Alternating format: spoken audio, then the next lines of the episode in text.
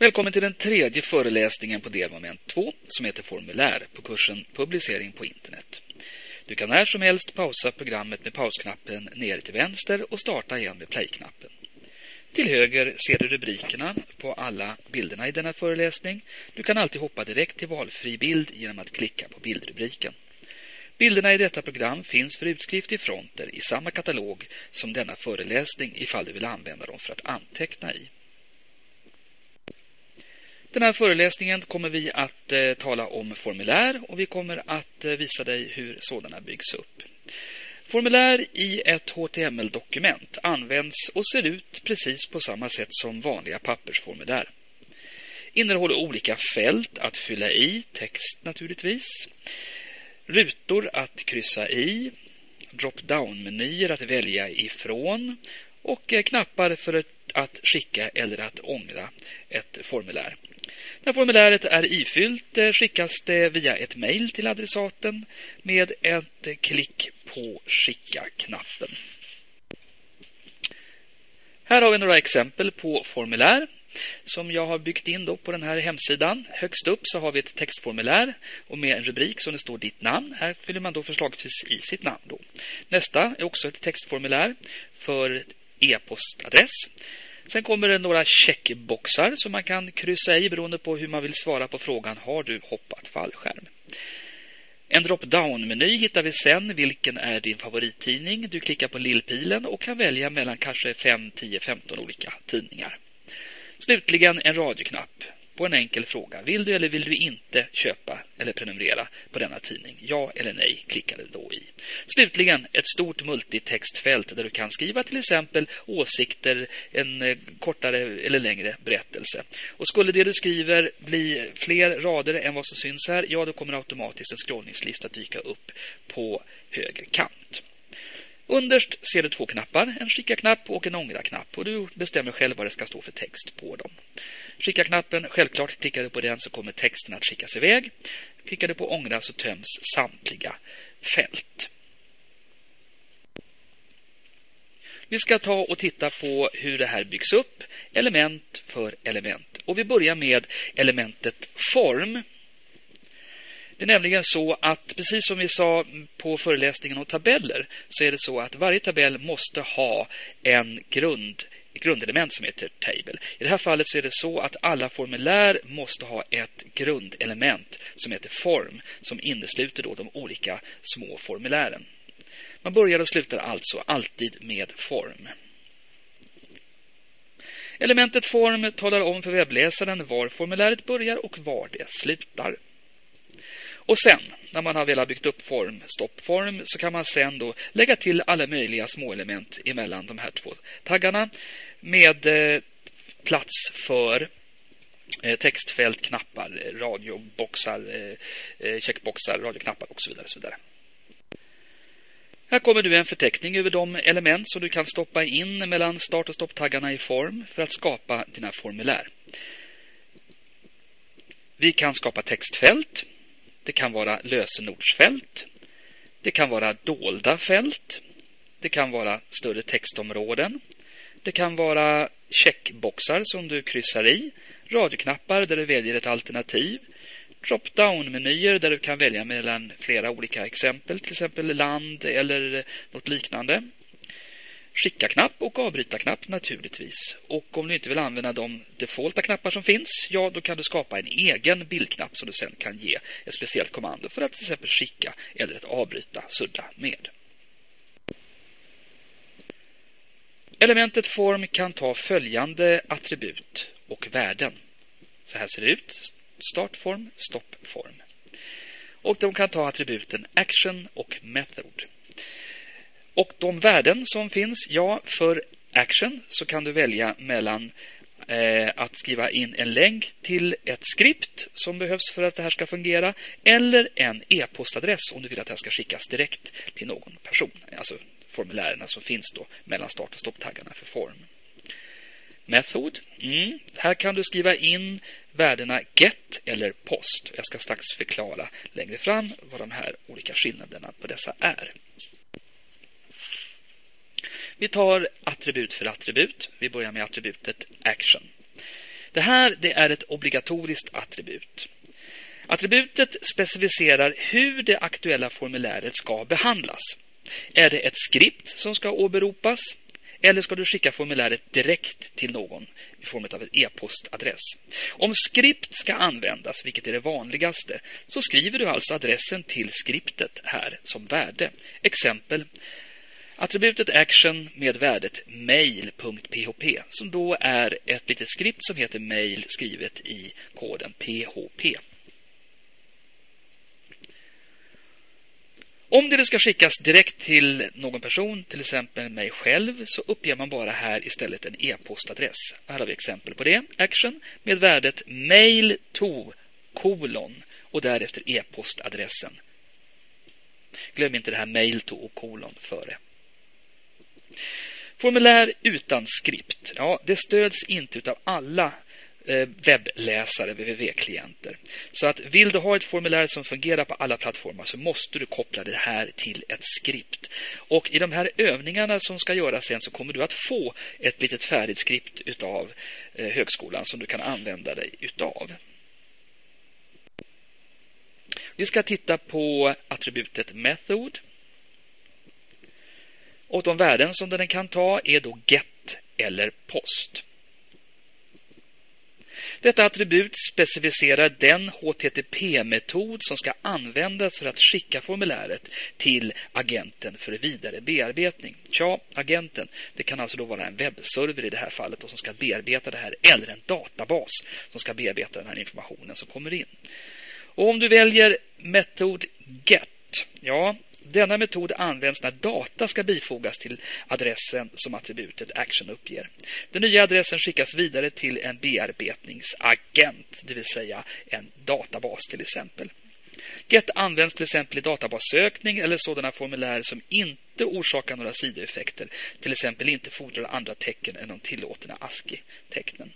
Detta är alltså då mindre vanligt. Det vanligaste i formulären det är att du använder metoden POST. För denna metod den eh, används när data ska inkluderas i själva formuläret när det skickas till bearbetningsagenten, som det så fint heter. Post tillåter modifieringar av data och används i vanliga formulär. Därmed ska vi ta och titta på de olika typerna av element som kan stoppas in här i formtaggarna. Och vi börjar med ett vanligt textfält. Du börjar med att skriva elementet input. Och eh, I det här fallet så är input ett sån typ av element som saknar egen stopptagg. Alltså måste du stoppa in en falskt stopptagg i starttaggen, vilket du ser längst till höger i själva elementet input. Där finns det en stopptagg instoppad efter ordet text. Input type text ska det vara om du vill ha ett vanligt textfält. Och Det här är ett standardvärde som ritar upp ett enradigt textfält. Och Det här det kan man använda då till att fylla i namn, adress, e-postadress eller liknande saker som bara kräver en rad. Fältet kan innehålla ett obegränsat antal tecken. Och för att kunna para ihop fältets innehåll med själva fältet så namnger man det med hjälp av attributet name. Och Det här är viktigt sen när man ska skicka det här textfältet vidare till en e-postadress. Att e-postadress, den som tittar på det här e-postet sen ser att det kommer att stå till exempel förnamn och därefter innehållet i den här rutan som folk skriver sitt namn, sitt förnamn i då. Och det gör man med hjälp av attributet name. Mer om det lite längre fram. Det värde som du skriver där kommer att visas som rubrik på svarskortet. Det vill säga e-postmeddelandet för det ifyllda fältet. Precis det jag sa. Därför är det viktigt att det överensstämmer med frågan. Att det finns en logik i det här. Följande attribut finns. Size här anger du fältets storlek räknat i antal tecken. Du kan också använda attributet maxlängd, antalet tecken som maximalt får skrivas i eh, fältet. Name, som jag pratade om tidigare, ger fältet ett internt namn så att programmet som behandlar formuläret kan identifiera det och skriva ut innehållet. Value mm, definierar vad som syns i boxen som defaultvärde. Align definierar var fältet är placerat och där har vi värdena top, middle, bottom, right och left. Där kom de. Tab-index. Ja, det här definierar i vilken ordning de olika fälten ska aktiveras när besökaren trycker på tab-tangenten. Det är nämligen så här att man kan hoppa snabbt emellan formulärets olika formulär så att säga med hjälp av en tab-knapp. Och det här är en väldigt bra funktion och då vill du kanske att det här ska gå i en viss turordning. Och det kan du då göra med hjälp av just det här attributet tab-index. Det vill säga definierar i vilken ordning de olika fälten ska aktiveras när besökaren trycker på tab-tangenten. Vi ska nu ta och titta på ett enkelt eh, formulär som innehåller två stycken textfält, ett för namn och ett för e-post, hur detta då byggs upp. Och eh, vi börjar med första elementet form. Här har vi starttaggen. Och i detta så har vi då valt attributet metod, method och gett det värdet post. Vi ska alltså inte skicka någonting med hjälp av databaser. eller så, så vi kommer aldrig i de här övningarna att använda oss av metod get, kan jag tillägga, utan vi kommer bara köra post. Action, ja i det här fallet så ska vi åberopa ett litet skript som heter mail.php eftersom det är det säkraste sättet att skicka på det, eftersom alla webbläsare kan tolka detta. Därefter ska vi då bygga upp ett enkelt textfält för namnet. Här kommer det. Och först har jag skrivit in en liten rubrik som kommer att placeras direkt till vänster om själva cellen Eh, för själva textfältet. Och där står det namn, kolon och ett litet mellanslag så att det inte ska skrivas ihop totalt. Och därefter kommer sen elementet input med attributet type där jag har sagt att det här ska vara ett textfält. Och sen så har jag döpt det här textfältet eh, och gett det namnet namn. Jag kan till exempel skriva förnamn här eller efternamn till exempel. För att då det här ska skickas som ett mejl och då kommer det att stå till exempel förnamn och därefter då det som personen i fråga skriver in i det här textfältet. Ytterligare ett textfält till ska vi ha för e-post och där kommer det. Vi ger den rubriken e-post först med kolon och med ett litet mellanslag. Och därefter kommer själva elementet input, samma type, nämligen text, men den här döper vi till e-post. Eller mail eller något liknande. Därefter så stänger vi form. För nu är det här formuläret klart. Det här skulle naturligtvis också naturligtvis ersättas med två knappar. En skicka-knapp och en ångra-knapp. Men eh, mer om detta längre fram. För att besökaren ska veta vad han, hon ska fylla i i ett specifikt fält så skriver du vid, det vill säga före eller efter, fältet vad som ska fyllas i. Där ser du med hjälp av pilarna det som ska fyllas i. Och så här ser då det färdiga resultatet ut. Hade jag nu velat att de här två formulären skulle ha skrivits under varandra, ja då hade jag fått plocka in en radbrytning med elementet BR mellan de två eh, elementen input type text. Men nu kommer som du ser på en och samma rad här. Lösenordsfält, ja det kan ju vara bra att ha. Till exempel om man nu har just som sagt var lösenord.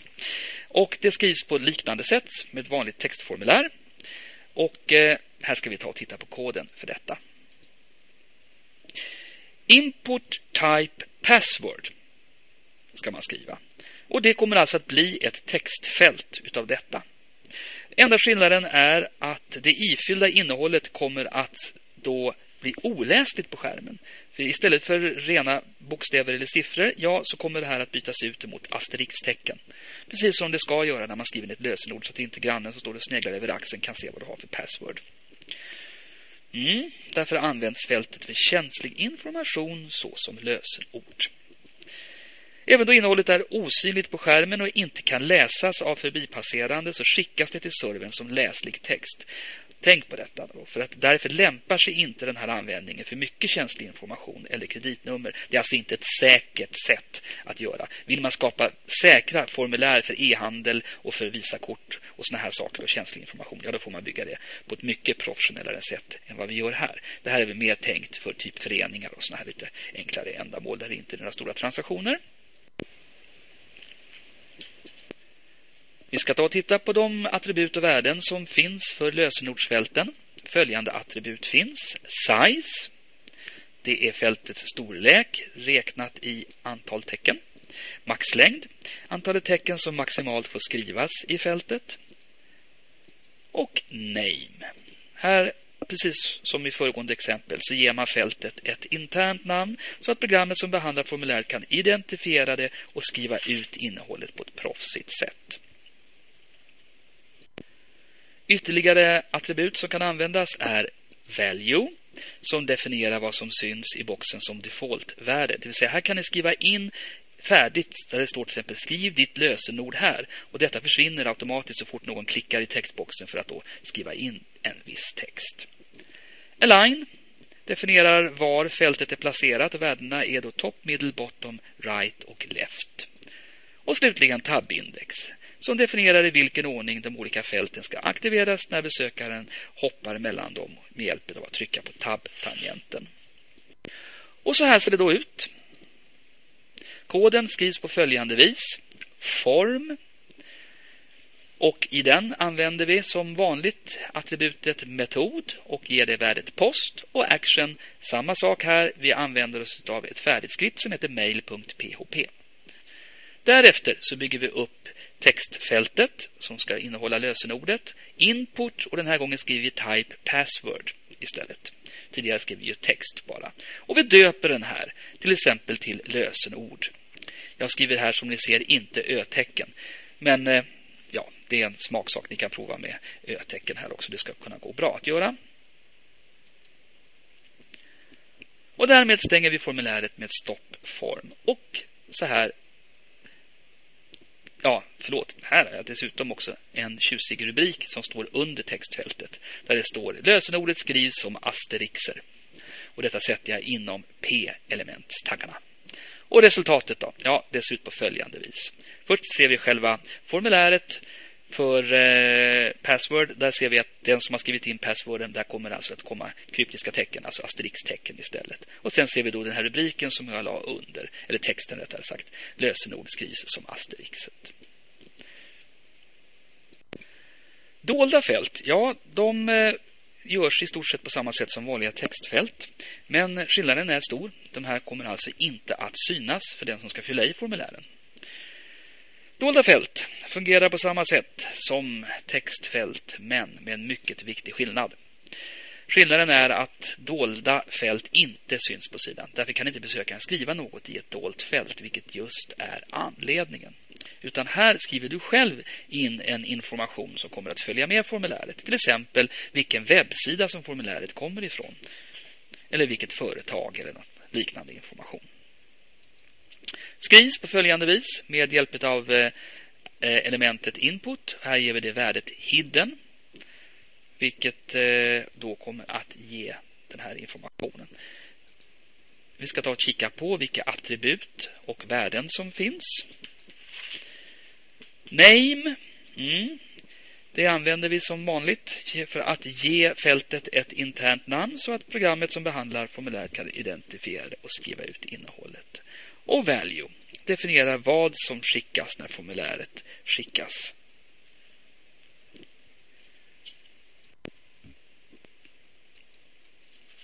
Koden, ja, den skrivs så här. Form, metod, post, action, mail, POP. Den känner ni igen vid det här laget. Därefter så kommer vi att skicka med ett vanligt textfält för namn. På följande sätt. Input, type, text, name, efternamn, value. Skriv ditt namn här. Då kommer det att stå skriv ditt namn här i det här textfältet förberett. Därefter tar vi ett eh, dolt textfält som då skrivs med input type hidden och vi väljer name språk. Men här kan det också till exempel stå eh, webbsida. Och därefter value det som ska skrivas in här då, nämligen till exempel att det här är www.du.se eller som i det här fallet nu vad det gäller språk så kanske man skriver English. Därför att den här sajten med formuläret kommer just från en engelsk språksida. Och därmed avslutade vi med stoppform och exemplet ser ut på följande vis. Det enda som syns det är denna. Det dolda textfältet syns alltså inte men ändå skickas det med. I detta exempel talade det dolda textfältet om för programmet som behandlar formuläret att användaren föredrar engelska som språk. Vi ska ta och titta på ett annat eh, formulär som heter textområde. Och eh, då använder vi oss utav elementet textaria. Och det här textaria det skapar då ett eh, mångradigt textfält som man kan lämna stora meddelanden i, kommentarer och annat sånt här. Och när kommentarerna och texten blir för stor så kommer den att förses med en, med en scrollningslist eller rullgardin eller vad man kallar det för på, på höger sida så att man kan då scrolla sig igenom texten. Man behöver inte ha något innehåll mellan element start stopptaggarna för textaria. Men om du inkluderar detta så kommer detta innehåll att visas default i det annars tomma fältet. Precis som man gör med value i vanliga små textfält. Följande attribut finns med värden. Rows specificerar hur många rader du vill ha i ditt textområde. Cools specificerar hur många kolumner som du vill ha i ditt textområde. Name ger fältet ett internt namn så att programmet som behandlar formuläret kan identifiera det och skriva ut innehållet. Vidare olika attribut. Tab-index definierar i vilken ordning de olika fälten ska aktiveras när besökaren trycker på tab-tangenten. Och wrap om du sätter wrap på off så kommer texten att behandlas som en lång sekvens utan radbrytning. Om du sätter wrap till virtual så kommer texten att synas på din sida som om den behandlat eh, radbrytningar men när formuläret har skickats så är det inga radbrytningar. Om du sätter wrap till physical så kommer texten att skickas precis så som den ser ut på skärmen inklusive radbrytningar.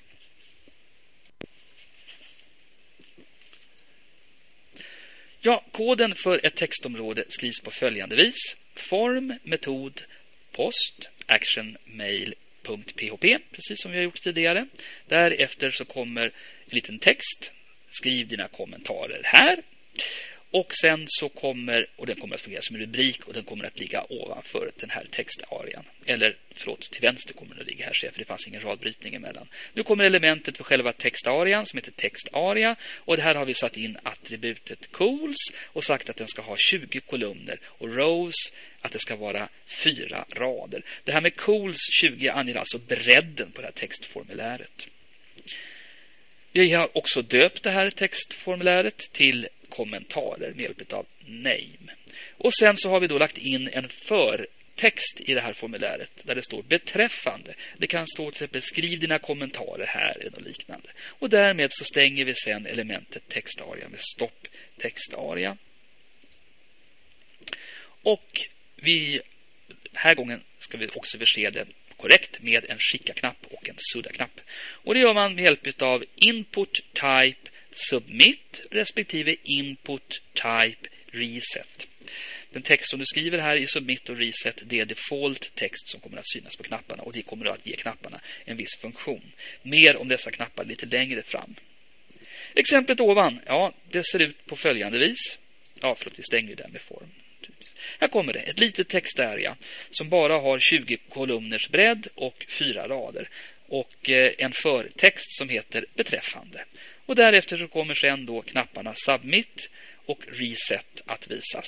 Och beroende på vad du har för ett operativsystem så kommer de här knapparna se lite olika ut.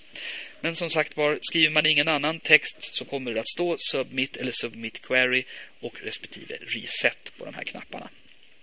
Mer om knappar längre fram. Ja, där kommer en liten förtydligande också beträffande texten beträffande. Därmed går vi vidare och tittar på en annan typ av formulär, nämligen checkboxar. Detta element skapar små rutor som användaren kan kryssa i för att till exempel välja mellan olika alternativ. Det här kan man också använda flera alternativ så man kan ha en 7-8 checkboxar under varandra och sen så kan man fylla i naturligtvis fler än en. Radioknapparna däremot, där kan man bara välja en.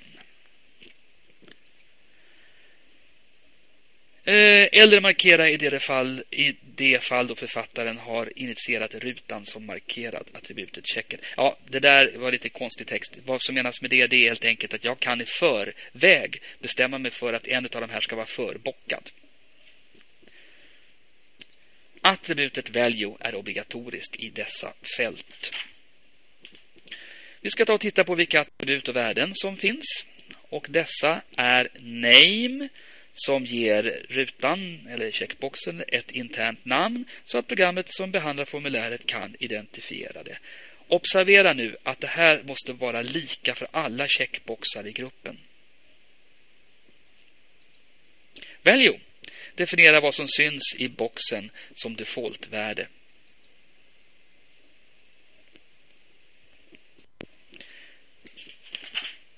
Övriga attribut och värden är align, definierar var fältet är placerat. Värdena är top, middle, bottom, right och left. Tab-index definierar i vilken ordning de olika fälten ska aktiveras när besökaren trycker på tab-tangenten.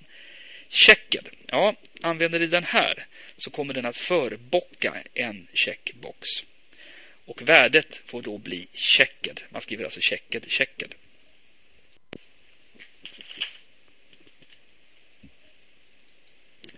Koden den skrivs på följande vis. Vi börjar som vanligt med elementet form, metod, post och action mail.php. Därmed kommer en liten text. Det kommer att stå och skicka bekräftelse via till exempel. Och så kommer då den första den här första checkboxen. Input type checkbox. Vi döper den med name till bekräftelse. Vi ger den ett value som kommer att följa med sen, nämligen e-post.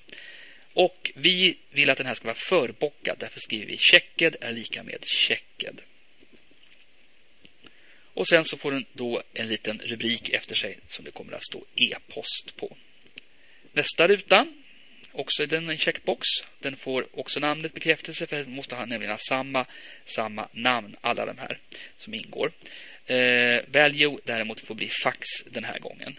Och sen får den en liten text också som det står fax på. Och därmed så nöjer vi oss med detta och vi stänger det här formuläret. Och hur ser det här då ut? Ja, det kommer att se ut på följande vis. Först får vi en text som det står och skicka bekräftelse via med kolontecken. Och därefter så kommer de här att placeras under som ni ser, där den första som heter e-post är förbockad. Klickar jag nu som användare i den här rutan så kommer den här bocken att försvinna. Så jag kan själv välja om jag vill ha bara e-post, inte e-post eller bara fax eller båda två och så vidare ibockade. Observera, attributet måste vara lika för alla checkboxar i gruppen. Attributet name, förlåt. Mm. En eh, kusin till checkboxen är radioknappen. Radioknappar används när du vill att dina besökare ska välja ett och bara ett alternativ från ett antal olika alternativ. Om flera val ska vara tillåtna på samma gång, då använder man inte radioknappen utan då använder man de här checkboxarna som vi visade nyss istället. Vi ska då titta på vilka attribut och värden som finns till radioknapparna. Och vi börjar med den första som heter Name. Name talar om vilken grupp av radioknapparna fältet tillhör. När du har valt en knapp så är alla andra knappar i gruppen icke-valda. Det är som det här som jag sa tidigare, man kan alltså bara välja en knapp. Eh, om du inte kan definiera vilken grupp som eh, den valda knappen tillhör kan du bara använda en grupp av radioknappar på varje sida.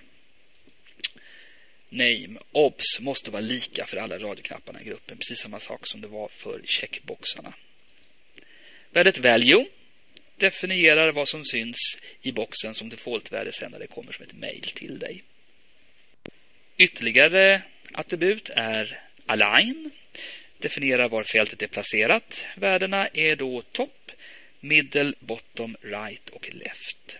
Tabindex definierar i vilken ordning de olika fälten ska aktiveras när besökaren hoppar emellan dem med tab-tangenten. Och checked fungerar samma sak på samma sätt som det gjorde med checkknapparna, checkboxarna. Det förbockar en radioknapp och värdet som man skriver in är då checked. Och så här skriver vi koden. Vi börjar med formuläret och vi börjar med form, metodpost, action, mail.php. Därefter slänger vi in en liten text. I det här fallet, var god, debitera mitt kontokort. Och här kommer en radbrytning och därefter första radioknappen med input type radio, name, kontokort och value visa kommer att följa med det här resultatet sen när det skickas som ett e-post till dig eller vem det nu ska skickas till. Och vi vill att den här ska vara förbockad så vi skriver checked är lika med checked. Och slutligen får den en liten text också efter sig, knappen där det står visa. Nästa knapp, ja, där står det eh, Import Type Radio, Name, kontokort och Value blir American Express och den text som kommer att bli som rubrik blir American Express. Och ytterligare en knapp till med eh, Name, kontokort, Value, Dinners. Och därmed så stänger vi formuläret med stoppform. Och exemplet det ser ut på följande vis.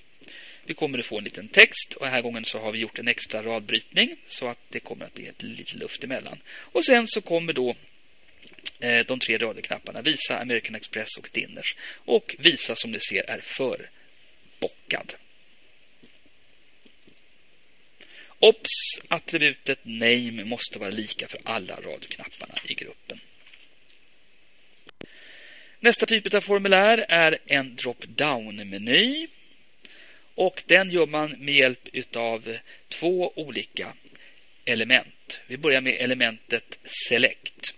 Select skapar en drop-down-meny och måste innehålla åtminstone ett valalternativ. Och de här olika valalternativen i drop-down-menyerna skapar man med hjälp av elementet Option. Select är med andra ord en behållare för elementen Option som skapar de olika valmöjligheterna. Precis som jag sa. Det klarnar nog strax när ni får se hur det här ska byggas upp. Men först ska vi ta och titta på Eh, select i detalj. Elementet Select definierar menyn. Attributet Name, som man kan koppla till detta, eh, lägger till ett internt namn på fältet så att programmet som behandlar formulären kan identifiera fälten, precis som vi har gjort med de övriga. Det finns ett attribut till som heter Size, definierar hur många val som ska vara synliga på samma gång. Och eh, oftast vill man bara ha en som är synlig, nämligen en förtext som heter till exempel Välj vilken tidning du vill prenumerera på här, eller något liknande. Attributet multiple tillåter dig att göra flera val om det finns sådana.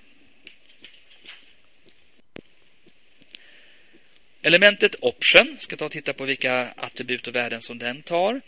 Elementet option definierar vart och ett av valen i menyn. Attributet value definierar vad som ska sändas om ett förslag valts. Det här är inte alltid detsamma som det som syns på menyn. Och eh, om vårt eh, fält definieras så här. Option value är lika med ID. Och sen så kommer då Idaho som text. Och sen stopp option. Ja, då kommer det att synas Idaho i menyn. Men när formuläret skickas så kommer det sen att bara förkortas med ID. Attributet selected tvingar ett ämne att bli valt som default. Ja, koden den skriver vi så här. Form, metod, post, action, mail.php. Därefter en liten rubrik. Jag vill köpa följande böcker. Och nu kommer då en drop-down-meny som kommer att innehålla eh, tre olika titlar. Och vi börjar då med elementet Select. Och där döper vi det till beställning. Jag har valt att skriva det med A här istället för Ä för säkerhets skull. Och nu bygger vi upp det här med option-elementet. Och det första som kommer att synas det är bara ordet välj. Sen när man trycker på lillpilen så kommer den här rullgardinsmenyn att åka ner och man kommer då att få se de här olika tidningsvalen. Och tidningsval nummer ett kommer här under, också innanför option-taggar, nämligen den svenska referensguiden. Det låter som en rolig sänglitteratur. Nästa bok, Formatering med stilmallar. Ett måste för alla som älskar stilmallar naturligtvis. Och därmed är vi nöjda med den här drop-down-menyn. Den får bara innehålla tre fält, varav det översta syns, där det står välj. Och de två böckerna, den svenska referensguiden Formatering med stilmallar, syns inte förrän man klickar på lillpilen och droppmenyn aktiveras. Vi stoppar alltså med stopp select. Därmed så kommer vi att vilja ha knappar och det gör vi med hjälp av input type submit och nu säger vi att den här ska ha en text som heter submit query. Vi vill också ha, ja det räcker med så förresten, och sen stoppar vi det här formuläret. Observera att det första fältet är synligt och där skriver jag välj. Ja, det har jag tidigare sagt. Och nu ska vi se hur resultatet blir.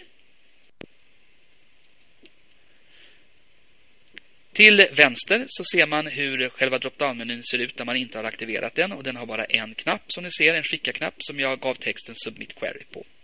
När man klickar på lillpilen på det här textfältet så expanderar det och nu får man se alla raderna. Det är nämligen böckerna Den svenska referensguiden och Formatering med stilmallar. Därmed ska vi ta och titta på knappar.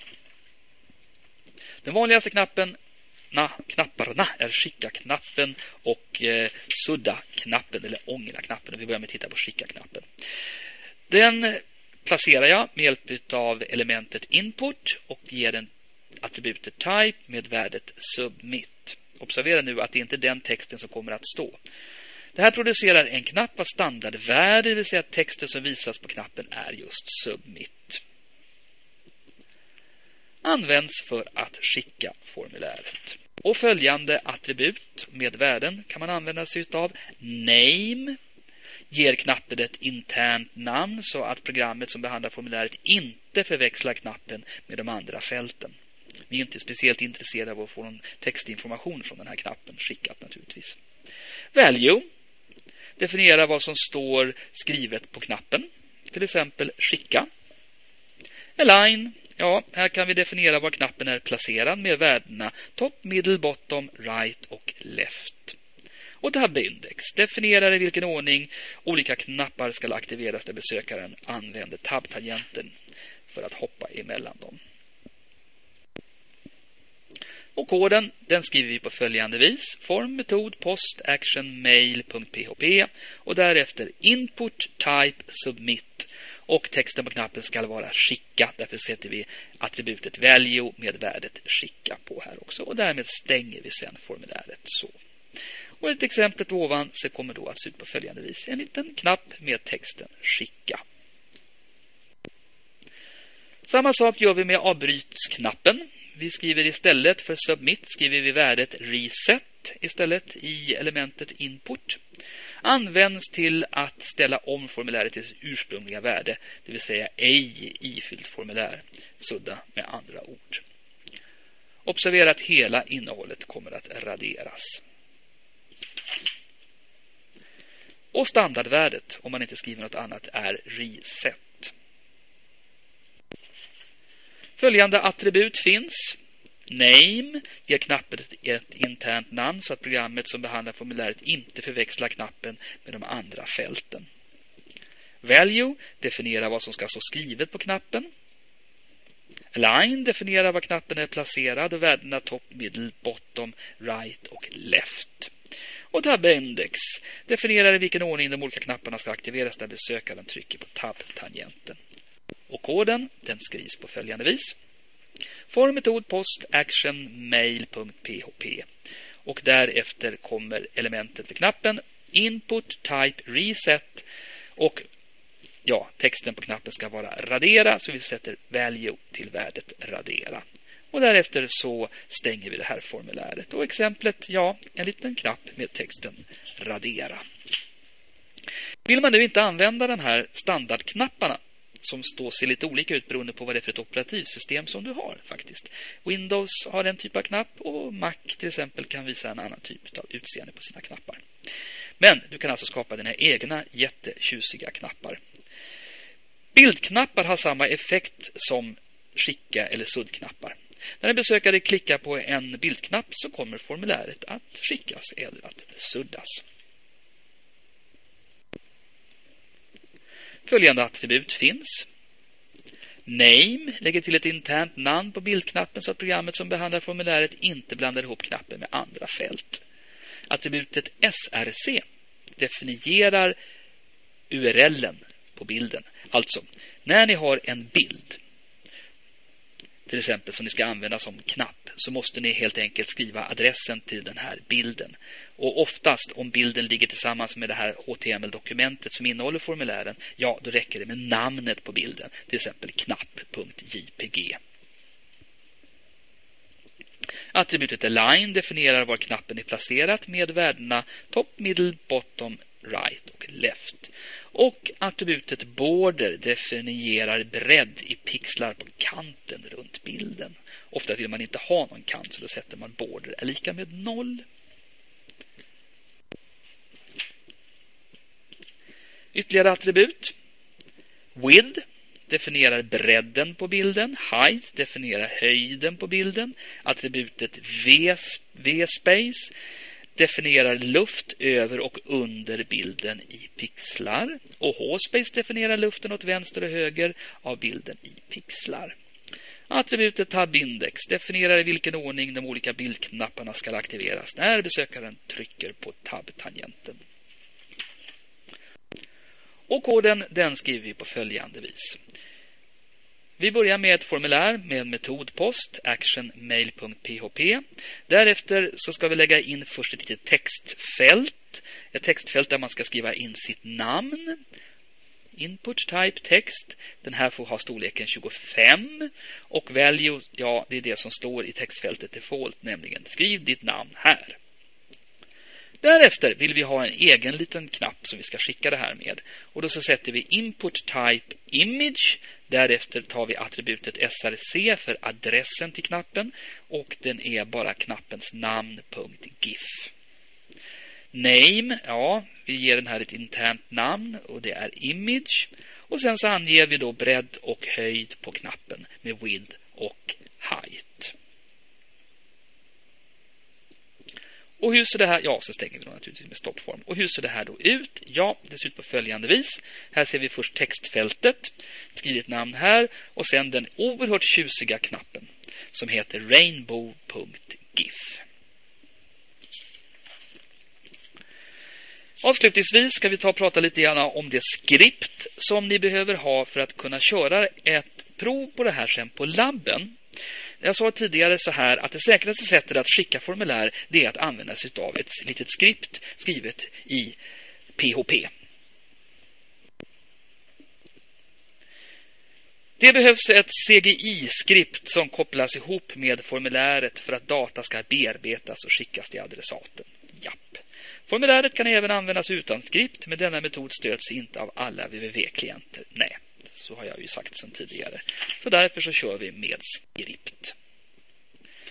De flesta internetleverantörerna de har faktiskt färdiga skript tillgängliga.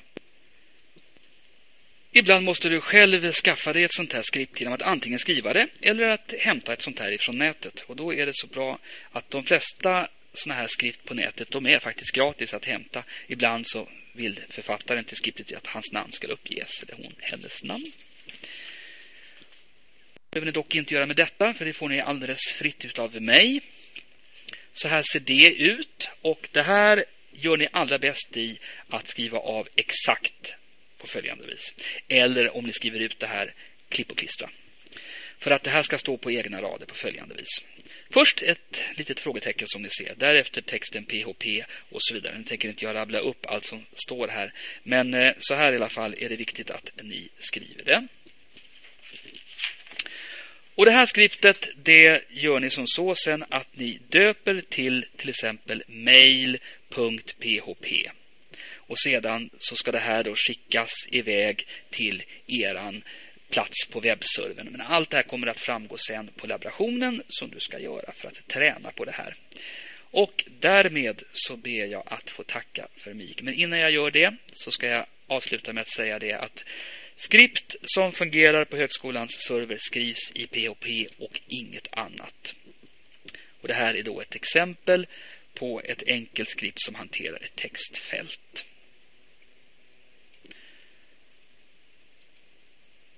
Detta är viktigt. Byt ut den e-postadress som står här mot din egen vad som annars händer på labben det är att jag kommer att få de här formulären skickade till mig och ni kommer inte se någonting alls. Och det är visserligen trevligt att få brev ifrån er men när det bara innehåller rutor som det står hej svejs på så är det lite, lite mindre trevligt. Så att jag tackar för det. Och därmed så är den här föreläsningen slut och jag ber att få tacka för mig.